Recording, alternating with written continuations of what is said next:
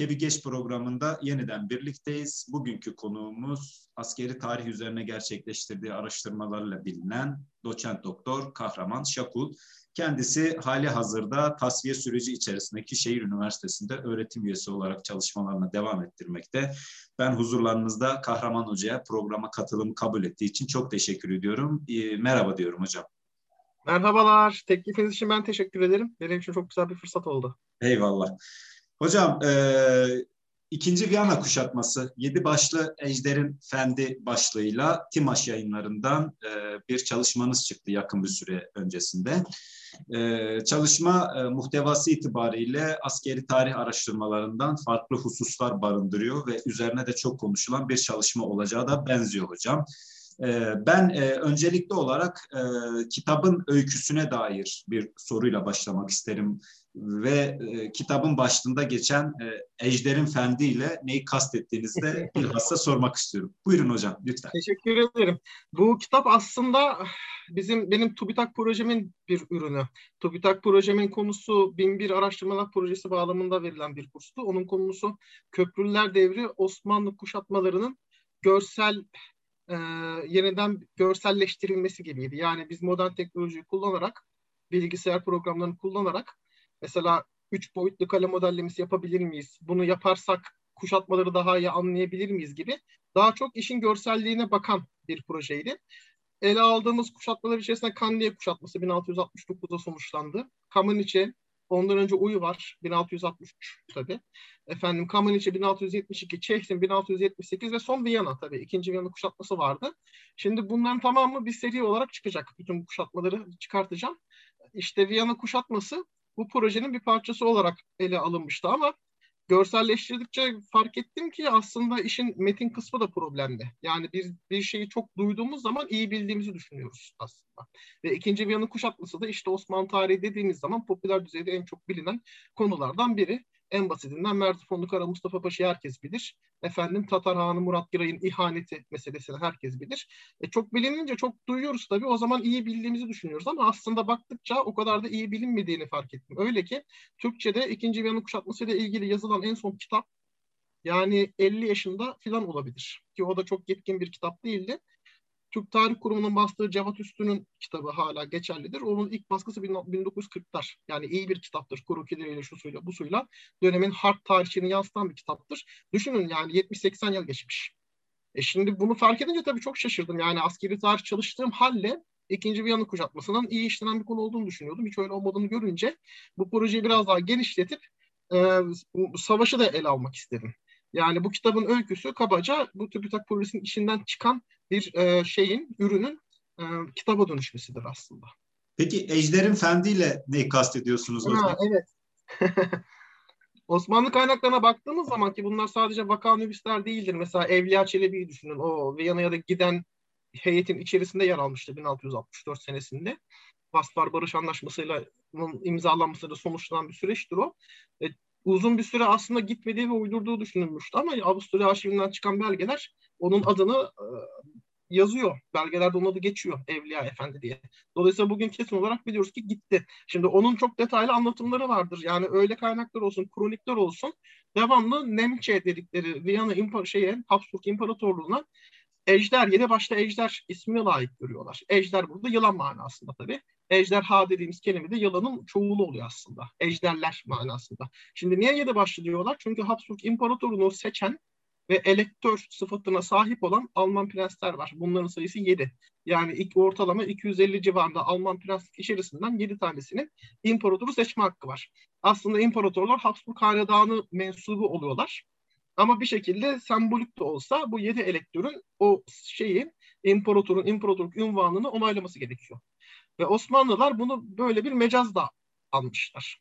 Yani 16. yüzyıldan itibaren en erken yedi başlı ejder gözüyle bakıyorlar Nemçi'ye. Bu tabi bugün biraz böyle masalsı geliyor kulağa ama lejitimist bakış açısıyla baktığımız zaman hanedanların hükmettiği bir dünya olduğunu hesaba katarsak Avrupa'da bir tane imparator var aslında. O da Habsburg İmparatoru. Bu imparatorun sözü ve hükmü diğer kralları tabii ki geçmiyor. Ama o hiyerarşiye baktığımız zaman mesela 14. Louis çok daha güçlü bir kral olduğu halde o sadece bir kral. imparator değil. Ve bu tip şeyleri Osmanlılar önemsiyorlar çünkü farkındalar. En nihayetinde imparator yani yedi başlı ejder kuyruğuna basılırsa imdat çağırır ve Avrupa'nın en ücra köşesinden bile ya parayla imdat edilir ya da asker gönderilir diye. Dolayısıyla Habsburglara karşı böyle bir şey var. Ee, ne diyelim? E, dengeli bir diplomasi anlayışı var. Gerçekçi diplomasi anlayışı var. Yedi başlı ejderin fendi dememin nedeni fend burada hile manasındadır. Biz daha çok kadının fendi erkeği yendi sözünden biliriz. Evet. Hile. Burada hileden kastettiğinde aslında Osmanlıların hiç beklemedikleri bir anda yani Habsburg İmparatorun çok güçsüz olduğu bir anda imparatorun bütün Avrupa'yı kendi yardımına çağırabilmesiyle. Peki hocam e, tarih ve bilhassa savaş tarihleri hep bir muharebe tarihi olarak görüldü. Bunun arkasında farklı dinamikler de var. Siz özellikle bu yazım türüne dair e, yani ne söylemek istersiniz? E, diğer bir ifadeyle günümüze değin askeri tarih araştırmalarında usul ve yöntem neydi ve mesele nasıl bakılmasını öneriyorsunuz? Evet yani bu bizim askeri tarihçilerin kabaca ikiye ayırdığı bir e, alan eski askeri tarihçilik, yeni askeri tarihçilik. Yeni askeri tarihçilik daha çok savaşı işte seferiyle, lojistiğiyle, bunun halka yüklediği yükle yani sosyal, kültürel ve olabildiğince geniş açılı baktığımızda savaş ve devlet toplum arasındaki ilişkiyi olduğu gibi ele alan bir alandır. Eski askeri tarihçilik ise sizin dediğiniz gibi muharebe odaklı, işte kuşatma odaklı, çatışmanın kendisine odaklanan ve bunun arka planına, diplomatik arka plan hariç fazla bakmayan bir alandır. Şimdi burada tabii yeni askeri tarihçilik eskisinden iyidir ya da eskisi yenisinden kötüdür demek doğru değil. Çünkü şöyle bir problem oluyor. Yeni askeri tarihçilik bizim Osmanlı askeri tarihçiliğine belli isimlerin çalışmalarıyla girdik. Kitapta bunların analizini vermiştim. Burada detaylı girmeye gerek yok ama işte Caroline Finkel'ın doktora tezi olsun efendim. Ross Murphy'nin Osmanlı Savaşı kitabı olsun. Ottoman Warfare bu Türkiye'de çevrilmişti sanıyorum Osmanlı Savaşı diye çevrildi. Evet. Benim doktora tezi hocam Gabor Hoca'nın araştırmaları olsun. Ve Türkiye'de yapılan pek çok araştırma var. Mehmet Yaşar Ertuğ Hoca'nın Mora Seferi kitabı olsun. Bunlar örnek kitaplardır. Çok iyi kitaplardır yeni askeri tarihçilik açısından. Çünkü bütün bir sefere hazırlığı anlatırlar. Halkın üzerine yüklenen yükleri anlatırlar. Yani bir sefere nasıl çıkılır? Bu çok güzel anlatılır. Ama yeni askeri tarihçilikte şu eksik kalıyor. Yani bir kuşatma söz konusuyla soyuşsa ordunun kaleye kadar varışı çok güzel anlatılıyor ama tam olarak orada ne oldu? Yani savaşın evet. kendisi neydi? Bu biraz eksik kalıyor. Eski ta askeri tarihçilikte de tam tersi. Sadece çatışma anlatılıyor ve arka plan yok ortada. İşte ben bu yeni ve eski askeri tarihçiliğin pozitif yönlerini bu kitapta bir araya getirmeye çalıştım. Biraz da bu yüzden kalın oldu. Yani kuşatmanın kendisine gelene kadar birkaç yüz sayfa askeri, diplomatik, arka plan ile lojistik meselelerini tartışmam gerekiyor. Peki Kahraman Hocam e, şöyle bir soru sorsam tam da bıraktığınız yerden. Biz bugüne kadar Viyana kuşatması yani ikinci Viyana kuşatması hakkında e, ne biliyorduk ve bu çalışma aslında e, bildiklerimizi e, yeni yorumlar ya da bilmediğimiz yeni e, katkılarda bulunuyor mu? Siz buna dair e, neyi söyleyebilirsiniz hocam? En büyük amacım buydu zaten. Yani çok bilindiği düşünülen bir mesele de insanlar ister istemez kitabı ele aldıklarında biz neyi bilmiyorduk ki kitabı okumalıyız diye düşüneceklerdir. Şimdi aslında sadece kuşatma olarak baksanız ya da kuşatmayı bitiren meşhur Kahlenberg Muharebesi olarak baksanız veya sadece savaş öncesindeki diplomatik gelişmeler ve sefer hazırlıkları diye baksanız teknik açıdan bir sürü yeni şey var. Birinden bir sürü yanlış şeyi de düzelten bir, bir yaklaşım izledim. Niye? Çünkü kaynaklar mübacehesinde. Dolayısıyla şimdi detaylı olarak bunları anlatmak programı süresini zaten aşar. Ama genel olarak şunu söylemek gerekir sanıyorum. Bu kitap ne yeni söylüyor? Bir kere yaklaşım açısından ve kapsam açısından bir de kaynaklar açısından yeni bir şeyler söylüyor. Yaklaşımımız nedir? Yani olabildiğince farklı e, savaşın taraflarının kaynaklarını bir araya getirmeye çalıştım. Burada iki taraf yok, sorun orada. Yani bizim bakış açımız onların bakış açısı falan diye basitleştirmek mümkün değil. Çünkü Osmanlılarda da tek bakış açısı yok. Yani Tatarların bakışı farklı değil mi? Merkezden yazanların bakış açısı farklı. E karşı tarafta Lehistan var, Nemçe tarafı var yani Almanya tarafı diyelim kapaca. E, Alman ve Leh kaynakları çatışıyor. Çünkü her iki tarafta zaferi kendisinin kazandığını düşünüyor. Evet. Olabildiğince Fransızların çok yağdığı şey var. Olabildiğince bu kaynakları bir araya getirerek herkesin bakış açısını yansıtan dengeli bir yaklaşım sergilemeye çalıştım. Bunu yaparken de böyle göz ardı edilen bir takım kaynaklar ortaya çıktı bizim Osmanlı tarihinde. Yani bilinen ama pek kullanılmayan. Bunları kattım. Mesela Ösek Şeyh'i İbrahim Efendi'nin çalışması öyledir ya da Esiri Hasan Efendi. Bilinir ama kullanılmaz fazla. Ve hiç bilinmeyen Subhi isimli bir şair, Yeniçeri aidiyatı olduğu, aidiyeti olduğu belli bir isim. Onu mesela ilk defa buldum, kullandım. Daha önce kullanılmamıştı. Kapsam açısından baktığımızda gerçekten işte baştan sona kadar. Yani daha 1682'nin başından alarak bütün diplomatik gelişmeleri inceleyip Kahlenberg Muharebesi'nde Osmanlı ordusunun bozulmasıyla kitabı bitirmeyip yıl sonuna kadar yani Merzifonlu'nun idamına kadar meseleyi getirmeye çalıştım. Kapsam açısından böyle bir şeyi var. Genel bakış açısı var derleyip toplayan. Ve işte bu kaynaklar meselesi tabii çok yani sübüktürür bir şey. Bazen şu düşünülüyor yani biz Osmanlı tarihçisiyiz ve o kitabın alıcısı Türkler. Dolayısıyla diğer tarafı çok da bilmeleri gerekmeyebilir gibi bir bakış açısı var. E, bilemiyorum yani küreselleşen bir dünyada bu çok da doğru bir bakış açısı olmadığı için ben yani o tartışmaları da dile getirmeye çalıştım. Mesela kitabın gizli kahramanı o yüzden Sobieski. Onunla ilgili evet. o kadar çok bilgi var ki indekse baktığınız zaman zaten göreceksiniz. Çok geniş bir Sobieski e, indeks girişi var. Efendim bunun haricinde bir de çok ihmal edilen bir şey tabii siviller meselesi. Yani bu savaşta sivillerin mağduriyeti göz ardı ediliyor. E şimdi yani bu kadar mülteci sorunuyla iç içe yaşarken bu savaşın yol açtığı mülteci problemini görmemez ligden gelemezdim yani bunları da eklemeye çalıştım. E, genelde bu işte bir şey olabilir harp olabilir. Yani savaş tarihine merak duymayan birisi bile mesela bir sosyal bilimler bakış açısıyla bu kitaba baktığında çok modern olduğunu düşünebileceği mülteci sorunu gibi bir meselenin aslında çok evliyat olduğunu görebilir. Bir. İkincisi tarihçiler bile savaşın yıkıcılığı meselesini genelde Cihan Harbi, İkinci Dünya Savaşı veya en erken işte Amerikan İç Savaşı bağlamında ele alıyorlar. Yani modern dönemden önceki savaşların çok da yıkıcı olmadığını, lokal şeyler olduğunu düşünüyorlar. Halbuki işte ben bu kitapla yani 5-6 ay sürmüş bir çatışmanın en az yarım milyon insanın hayatını doğrudan etkilediğini göstermeye çalıştım. Yani modern öncesi savaşlarda son derece yıkıcıdır.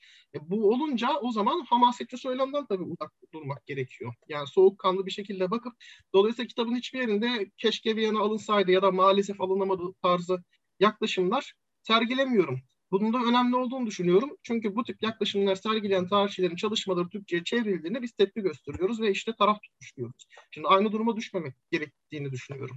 Yani bu kitabı sadece Türkler okusun değil, bu meselenin bütün tarafları okuyabilsin isterim. Yani dilerim ki Almanca'ya da çevrilir, işte Polonya dilinde de çevrilir. Ve onlar da okudukları zaman yani bravo taraf tutmadan dengeli bir şekilde meseleyi ele almış diyebilsinler istiyorum. Bence kitabın bir yeniliği de budur aslında yani. Peki hocam e, kuşatma baştan sona diplomatik ideolojik arka planıyla bir e, arada ele alındı ve genel Osmanlı tarihiyle de ilişkisi kuruldu. Siz e, nasıl görüyorsunuz ya da değerlendiriyorsunuz bu ikinci Viyana kuşatmasını? Evet yani ikinci Viyana kuşatması Osmanlı tarihinin sembol olaylarından biri. Çünkü bu kuşatmadan 16 yıl sonra imzalanan Karlofça Anlaşması bizim geleneksel yaklaşımımızda Osmanlıların gerileme dönemini başlatan olay olarak görülür. Dolayısıyla da Karlofça Anlaşması doğrudan doğruya 2. Viyana kuşatmasının sonucuymuş gibi düşünülür. Bu kitapta ben açık bir şekilde Karlofça Anlaşması'nın 2. Viyana kuşatmasının sonucu olmadığını tartışıyorum. Bunu göstermeye çalışıyorum. Karlofça Anlaşması 2. Viyana kuşatmasının sonucu değil. 2. Viyana kuşatmasından sonra 16 yıl süren savaşın sonucu. Bu arada bu ikisinin arasında büyük fark var. Bir başka deyişle Osmanlılar bozgundan sonra barışı seçebilirlerdi. Evet. Yani diplomatik gelişmelere baktığımız zaman her iki tarafta en azından Nemçe tarafını daha iyi biliyoruz açıkçası diplomatik açıdan. Ve o tarafta büyük bozgundan sonra yani Osmanlılarla barışıp tüm güçleriyle 14. Ruhiye çullanma düşüncesi çok güçlüydü. Aslında yani nasıl olsa bozduk ve derhal Osmanlılara saldırmaya devam edelim diye bir düşünce o kadar güçlü değildi. O yüzden belki Osmanlılar daha barış yanlısı olabilirlerdi. Daha müzakereci olabilirlerdi. Kara Mustafa Paşa zamanında ve onun idamından sonra. Ama bunun olmadığını görüyoruz uzun yıllar. Yani inatla Osmanlıların savaşmaya devam ettiğini görüyoruz. Ve Habsburg İmparatorluğu Fransa ile savaşmak zorunda kalmadığı zamanlarda tüm gücüyle Osmanlı İmparatorluğu'nu kullanabildiği için Osmanlılar zafer bulamadılar. Yani bu 16 yıllık savaş da yazılmamıştır bizde. Yani bunun da yapılması gerekiyor. Benim bunu yapmaya şu an mecalim yok ama bu süreç, bu 16 yıllık süreç bilinmiyor ve çok önemli. Çünkü Macaristan gibi çok büyük bir e, ne diyelim memleketin elden çıkmasıyla sonuçlandı ve Osmanlı'nın o meşhur azametinin, gururunun örselendiği bir şeydir. Bu hı hı. doğrudan doğruya Viyana kuşatması ile ilgili değil. Bunu demek isterim. Yani ya da ne bileyim Merzifonlu Karayip Mustafa Paşa'nın idamı da Viyana bozgunu ile ilgili değil. Yani Estergon kaybedildiği için aslında idam edildi. Bunu kaynaklar çok açık şekilde yazarlar. Ama Niye ise bizim tarihçiliğimizde bu kaldı yani. Viyana'yı kaybetti o yüzden idam edildi gibi değil yani affedildi aslında ama ha Estargon'un kaybı niye çok önemli? Stratejik açıdan çok önemli bir yer birincisi. Yani Tuna'nın kontrolünü kaybediyorsunuz. İkincisi Kanuni'nin aldığı bir yer. Üçüncüsü Nemçi İmparatorluğu 80 yıl aradan sonra ilk defa camisi olan bir şehri almış oldu. Yani bu, bu tarz bir şey var. Hakaret amiz bir mesele olarak görülüyor bu Estargon'un kaybı. Yani padişahın son kertede hiddetlenip idama karar vermesi aslında Ekim sonu Kasım başında Estargol'un kaybıydı. Yani böyle ufak gibi duran ama işte incelediğimizde bizim Osmanlı tarihine bakış açımızı değiştirebilecek Kesinlikle. pek çok mesele var bu ikinci Viyana ile ilgili. Dolayısıyla genel Osmanlı tarihi ilişkisini kurarken şunu mutlaka hatırlamak gerekir. İkinci Viyana kuşatması tıpkı birinci Viyana kuşatmasında olduğu gibi daha çok Habsburgları ilgilendiren bir mesele. Yani unutulmamış bu olay. 1783'te 100. yıl dönümü var. 1883'te 200. yıl dönümü var. Osmanlılar ne yapmış diye baktığımızda tam bir sessizlik hakim ve bilinçli bir şey unutma hali. Amnezi dediğim şey yani bu şey psikologların amnezi dediği mesele gibi duruyor. Bilinçli bir unutma hali var. Yani hiçbir şekilde bir daha Viyana'nın lafı açılmıyor. Yani bu ilginç bir şeydir çünkü malum Kanuni Sultan Süleyman Türbesi orada. Yani evet. değil mi? Daha 1990'lara 2000'lere kadar hatta hala yani arkeolojik kazılar yürütülüyor, yeni yeni şeyler bulunuyor. Çünkü orada mıydı Türkçesi, burada mıydı falan bir sürü tartışma var. Şimdi bu kadar da sembol bir isim değil mi? Orada göm şey e, kuşatmada bir sürü yani problemler yaşandı. Yani Kanuni'nin mezarı Viyana'da değil sonuçta da yani orada otağını bırakması, oraya sarayın yapılması ve gene Macaristan'da ve sonra Habsburglara geçecek olan bir bölgede Zigetvar'da mezarının bulunması yani pek de burada hep elden çıktı Karlofçay'la. Onu anlatmaya çalışıyorum. Evet. Viyana ile Kanuni'nin ilişkisi böyle. Ama yani Osmanlılar'da bu tarz bir bilinç yok. Yani barış anlaşmalarına mesela çok geç tarihlerde bu padişah türbesi kurulacak, şurası bizim için anıt eserdir, korunacak tarzı maddeler konulsun. Bunların hiçbiri yapılmamış. E böyle bakınca bizim Osmanlı tarihçiliğinde bir Viyana algısı ve şeyi yok. Biz bunu sonradan hatırladık. Ve neye tepki olarak hatırladık? 1933'te işte 250. yıl dönümü esnasında böyle anti-Türk, anti-İslam bir söylemle e, Avusturya'da bunlar kutlandığı için malum yani şey zamanı 2. Dünya Savaşı'na giden bir dönem Yunus Nadi'nin yazıları mesela çok sansasyonel olmuştu 1933'te. Yani diyebilirim ki hatırlanan bir şey değil bu ikinci Viyana kuşatması bizim tarihçiliğimizde filan. Yani bu önemli bir şey. 1870'lerde ders kitapları yazılırken işte bu gerileme dönemi bilmem ne Durakma. diye bir tasdik edildiğinde orada Karlofça Anlaşması duruyordu. Ama açıkçası Ahmet Refik'in yazdığı işte birkaç ince kitap falan olmasa yani kimsenin de hatırladığı bir şey de değil bizde. Böyle bir bilinç hafıza kaybı olduğunu düşünüyorum. Şimdi hocam çalışmanızın ilgi çekici bir yanı da e, görseller veriyorsunuz. E, bu görsellerle aslında okurun e, hadiseyi teferruatlı bir şekilde canlandırarak gözünde takip etmesini de sağlıyorsunuz ve yeni kaynaklar, yeni kullanılan kaynakları da yeni analizler ışığında sunuyorsunuz. Şimdi burada şunu merak ediyorum. E, mesele sadece Osmanlı açısından değil, e, bir de e, karşıtları gözüyle de bakıyorsunuz. E, yanılmıyorsam üçüncü bölümdü. Ee, sizce evet evet hasımlar sağa iniyor. Sizce bu yaptığınız bilhassa e, Türk tarihçiliğinde çok sık yapılan bir şey midir? Yani ötekinin gözünden de meseleye bakabilme. Yani son yıllarda tabii daha bu artık yaklaşım ana akıma doğru dönüşüyor gibi duruyor. Ama genele baktığımız zaman tabii ki yani ulus devletleşme sürecinde ortaya çıkan bir ulusalcı söylem var yani. Sağ görüşlü tarihçiler de olsa, sol görüşlü tarihçiler de olsa biraz yani buranın bakış açısıyla. Yani mesela her zaman bizim derdimizi dışarıya anlatmak oldu. Mesela son zamanlarda takip ediyorsunuzdur rahmetli İnalcık'la ilgili türlü evet. türlü şeyler.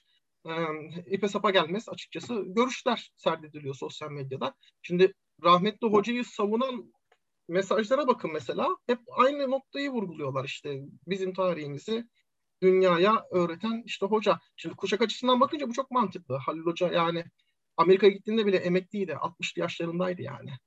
Çok evet. uzun yaşadığı için ve son zamanlara kadar da çok e, yetkin bir şekilde yazmaya devam edebildiği için çok etkili oldu. Yani o kuşağın tarihçilik derdi, nehir söyleşisini okuyun aynı şeydir. Tarihçilik derdi biraz bizim tarihimiz yanlış biliniyor ve bizim görevimiz doğruları anlatmak.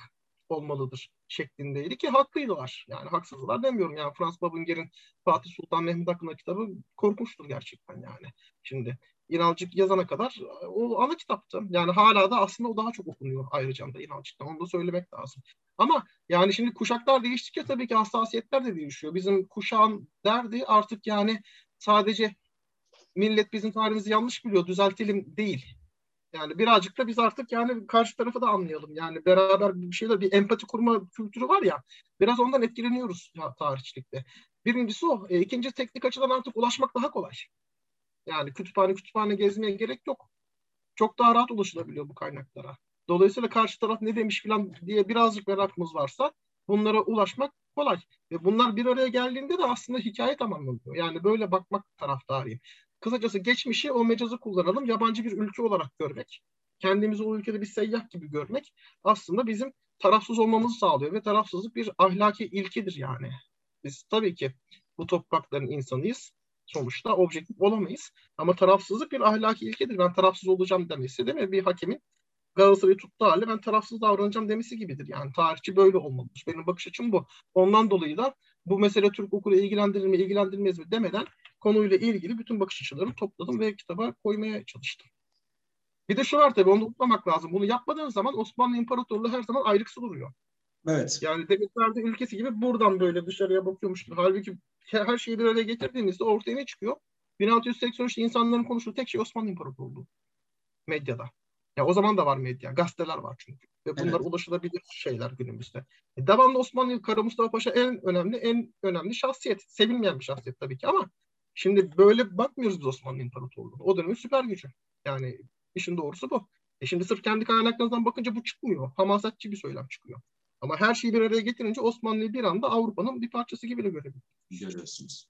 Hocam aslında Buyurun aslında bir yanıyla şöyle, şöyle önemli bir şey daha yapıyorsunuz. Az kullanılan ve hiç bilinmeyen görgü tanıklıklarına başvuruyorsunuz. Ve bu çalışmanın içerisinde aslında e, savaş e, askeri tarihlerde çok görmediğimiz bir yönteme de başvuruyorsunuz. Edebiyat ideoloji ilişkisini sorgulayarak yeni bir e, alandan bakıyorsunuz. Farklı bir perspektiften bakıyorsunuz. Buna dair de birkaç cümle söylemek ister misiniz hocam? Evet yani edebiyat tarihçisi olmadığım için tabii sözlerimi dikkatli seçmeliyim. Sonra eleştiri gelmesin. Farklı farklı bakış açıları vardır. Benim burada tarihçi olarak derdim aslında şuydu. Yani biz ne kadar farklı kaynaklara baksak da sonuçta bu kaynaklar idarecilerin, yönetenlerin, ricalin yani belli bir kesimlerin yazdığı şeyler. Sonuçta okuma yazma bilmiyor çoğu asker her iki tarafta da. Onlar hatırat yazamaz ki. Yani hatırat yazan da gene subay olacak. Onda belli bir bakış açısı olacak ve buna da bir ideolojik bir bakış bir şey. İdeoloji sinecek. Bu kaçınılmaz. E, tamam evet. biz tarihçilik metodolojisiyle bu cımbızla ayıklayabiliyoruz bunları ve gerçekten söylemek isteyene ulaşabiliyoruz. Tarihçiliğimiz o kadar gelişmiş durumdadır yani dünyada. Tamam ama yani halk düzeyine nasıl ineceğiz? Yani insanlar ne düşünüyordu falan deyince bunu nasıl bulabiliriz? Bu bir mesele. E, dolayısıyla orada işte ulaşabildiğim kadar birkaç tane halk destanı denilebilecek cinsten yani bir iki şey e, buldum. Destan, şiir.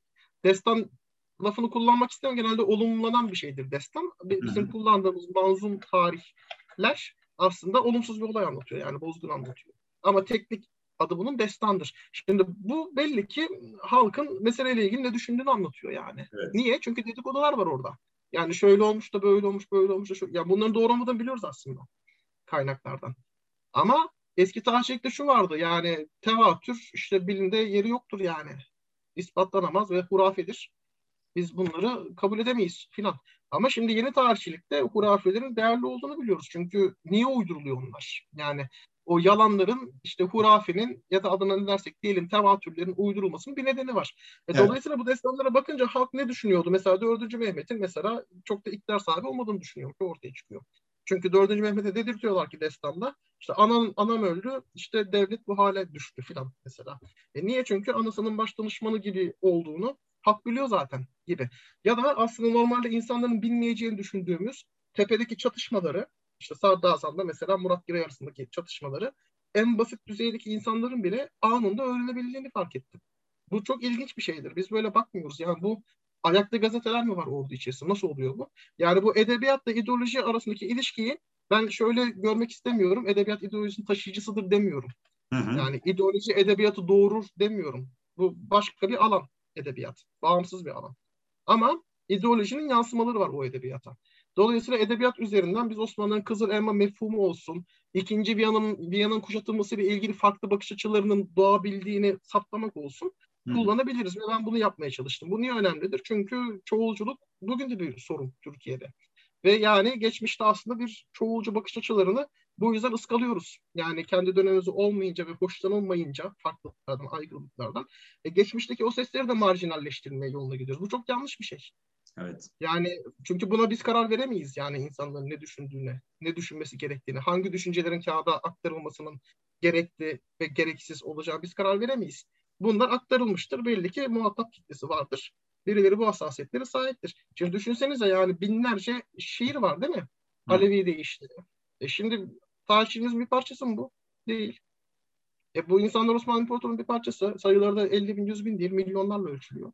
Binlerce protesto içeren şiirler yaz, yazılmış yani. Yükseliş dönemi dediğimiz devirde bile. E şimdi ne yapalım? Bunlar yok mu diyelim yani. Bugüne kadar öyle denildi de o yüzden diyorum. Ancak halk edebiyatçıları inceliyor. Ama tarihçiler incelemez yani Alevi değiştirir falan. E şimdi orada da bir tarih yatıyor. Orada da bir bakış açısı var. Yani okuması yazması olmayan bir kitlenin hassasiyetlerini biz nasıl öğreniriz dediğimizde edebiyat çok e, merkezi Kesinlikle. bir. Kesinlikle öyle. Böyle, bundan dolayı kullanmak istedim edebiyat. Biraz e, evet aslında biraz da halkın gözüyle e, bakmak gerekiyor ya da onu nasıl anlayabiliriz diyerek aslında edebiyat. Sıradan askerler yani Supi evet. sıradan bir Yeniçeri olmadığı belli ama işte Yeniçerilerin bütün bakış açısını anlatıyor ve çok değerli. Niye değerli? Çünkü sadece yabancı kaynaklarda gördüğünüz bir takım dedikodular var. O Hı. kadar yansıyor Osmanlı kaynaklarına. Ama Supi'yi okuduğunuz zaman bu dedikoduların doğru olduğunu görüyorsunuz. Çünkü aynı dedikodular Yeniçeriler arasında yapılıyormuş işte. Yani işte adamın eserine yansımış. Hocam. Yani hak değil ki orada içerisindeki insanları da sıradan insanları da katmak gerekir o manada dedim. Eyvallah. Peki e, tam da bu bıraktığınız yerden şöyle bir şey sorsam. Yani savaşlar hep böyle yöneticiler ve askerlerin gözüyle resmedildi. E, burada en büyük eksikliklerden bir tanesi de aslında ifade ettiğiniz gibi halkın bu resimde e, eksik kalmasıydı. Yani halk nerede? Bu savaşlar meydana gelirken halk ne düşünüyor, ne yapıyor, ne ediyor, ne yiyor? Buna dair ne söylemek istersiniz hocam? Yani bu çalışmanız da aslında bir yanıyla bu mütevazi bir katkı bu soruma. E, bizi izleyenler açısından en azından e, kitabı okumaları için önemli bir şey. E, başvuru metni olduğunu düşünüyorum bu sorunu. Buyurun hocam. Sağ olun. Sağ olun. Yani savaşların yıkıcı olduğunu bir kere yani merkeze almaya çalıştım. Ne olursa olsun. Yani Viyana fethedilse de bir şey fark etmeyecekti. Çünkü sonuçta yüz binlerce insanın birbirine girdiği 5-6 aylık bir dönem. Viyana'nın dahil olduğu yer aşağı Avusturya bölgesi. Bugün aşağı Avusturya bölgesi hiç şaşırtıcı değildir ki aşırı sağın en güçlü olduğu yer. Yani Viyana'nın devamlı gündemde tutulduğu, Türk karşıtlığının en güçlü olduğu yer ve bu konularda doktora tezleri yazılıyor. Bunların bir kısmına da ben değindim. Yani dipnotlarımdan meraklısı olabilecektir. Yani bunu da yapmaya çalıştım. Ben tarihçiyim sadece tarihçilerin yazdığını okuyayım değil de yani hı hı. sosyal bilimlerin e, üretimine bakmaya çalıştım. Mesela savaş hatıraları nasıl hatırlandığı, korku faktörü bununla ilgili çok iyi antropolojik çalışmalar var. Bunlara da bakmaya çalıştım. Şimdi bu aşağı Avusturya bölgesi 5-6 ay içerisinde mahvoldu yani. Yarım milyon civarında insanın hayatı mahvoldu. Bir kısmı esirleştirildi ki en mütevazi rakamlar 50 bin 60 bin civarında. En az 30 bin civarında yani bir stat dolusu insanın öldüğü vaki. Şimdi bunları sadece yabancı kaynaklar yazsa geleneksel bakış açısıyla işte abartıyorlar. Zaten onlar bizi sevmiyor falan denilebilir ve ciddiye alınmayabilir. Ama Viyana kuşatmasının niye başarısızlıkla sonuçlandığını analiz etmek isteyen Osmanlılar da benzer şeyleri yazıyorlar. Ve çok daha grotesk bir şekilde yazıyorlar. Ben bazı anıtlar yaptım, kılı kırk yardım. Yani bunu kitaba yazmalı mıyım, almalı mıyım, almamalı mıyım diye. Çünkü bazı ifadeler şiddet pornosuna giriyor artık günümüzün anlayışında. Bunu bu kadar açık yazabiliyorlar. Niye? Dertleri bu şeyle yüzleşmek. Yani bu niye böyle oldu? Hı hı. Tabii ki geleneksel bakış açısıyla işte gazabullah diye tabir ettiğimiz şeye yoruyorlar. Yani biz bu kadar kötülük yaptık ki, o kadar kötülük yaptık ki Allah bizi cezalandırdı falan gibi bir bakış açısı var. Şimdi aslında bunlar her seferde olan şeyler. Sırf Viyana'da özgü değildi bunlar. Ama zafer gelince bunlar pek görülmüyor. Mesela Niyazi Mısri meşhurdur. Biraz değindiği için onu sürmüşlerdi. Kamanınca seferinde işte yapılan zulümler falan diye kürsüden kükreyince onu sürdüler. Yani zafer olunca üstüne sünger çekiliyor. Bu şeyler hiç gözükmüyor. E, Osmanlı savaş tarihi de bizim aldığımız döneme kadar hep zaferlerle dolu olduğundan dolayı bu savaşların ım, sivil halk için olan sonuçlarına çok da fazla bakmıyoruz. İşte Viyana'da bir kırılma yaşanınca bir anda bu olumsuzluklar pat pat pat pat su yüzüne çıktı. Şunu demiyorum yani Osmanlılar çok vahşi adamlardır. Böyle bir şey demiyorum. Dönemin savaşı budur yani. Ve modern dönemin aksine o dönemde de bir, o dönemde bir sivil asker ayrımı da olmadığı için düşman düşmandır. Yani burada evet. da çok fazla kadın, erkek, çoluk, çocuk ayrımı yapılmıyor maalesef. Dolayısıyla bu kitabı okuyanlar yani Viyana bağlamında da olsa aslında savaşın çok büyük bir alanda yıkım getirdiğini, çok kısa bir sürede yıkım getirdiğini göreceklerdir. Öyle ki 1710'larda bölgeyi gezenler hala terk edilmiş köyler olduğunu, bir sürü bir yerin hala iskan edilemediğini fark edeceklerdir. Vaftiz kayıtları var Katoliklerde. İyi ki var. Tarihçiler açısından çok önemli. Bu vaftiz kayıtlarına göre 1683'ten sonra Viyana ve etrafına gelen nüfus yukarıdan Silezya bölgesinden getirildi. Yani nüfus kalmamış. Halbuki 4-5 aylık bir savaş bu. Anlatabiliyor muyum? Biz böyle bakmıyoruz evet. savaşlara. Yani bu bakış açısına sahip olmak önemlidir diye düşünüyorum. Öbür türlü askeri tarihçiler her zaman militarist olmakla, işte savaşı sevmekle ve onu yüceltmekle suçlanıyorlar. Bu çok haksız bir suçlama. Yani eski askeri tarihçiler de öyle her zaman militarist falan değillerdi ama baktığımız konu spesifik olarak savaşın kendisi olunca ve coşkulu bir anlatım izlenince ister bir sürü insan askeri tarih okumak militarizmi besler falan diye düşünüyorlar. Yani çok esprisi yapılmıştır bana hocalarım ve arkadaşlarım tarafından askeri tarih çalıştığım için muzip bir şekilde gülmek. Askeri tarihle ilgilenmiyorum demek ben barışa inanıyorum demekmiş gibi. Böyle bir algı hala çok güçlüdür yani onu yıkmak lazım. Eyvallah. Evet, bugün e, doçent doktor Kahraman Şakulu, e, Timaş e, yayınlarından çıkan ikinci Viyana kuşatması Yedi Başlı Ejder'in Fendi kitabıyla ağırladık. Kendisine çok teşekkür ediyorum programımıza katıldığı için. Hocam, var olasınız, sağ olasınız. Sorularınız için çok teşekkür ederim. Çok aydınlatıcı oldu benim için de. Eyvallah, eyvallah hocam.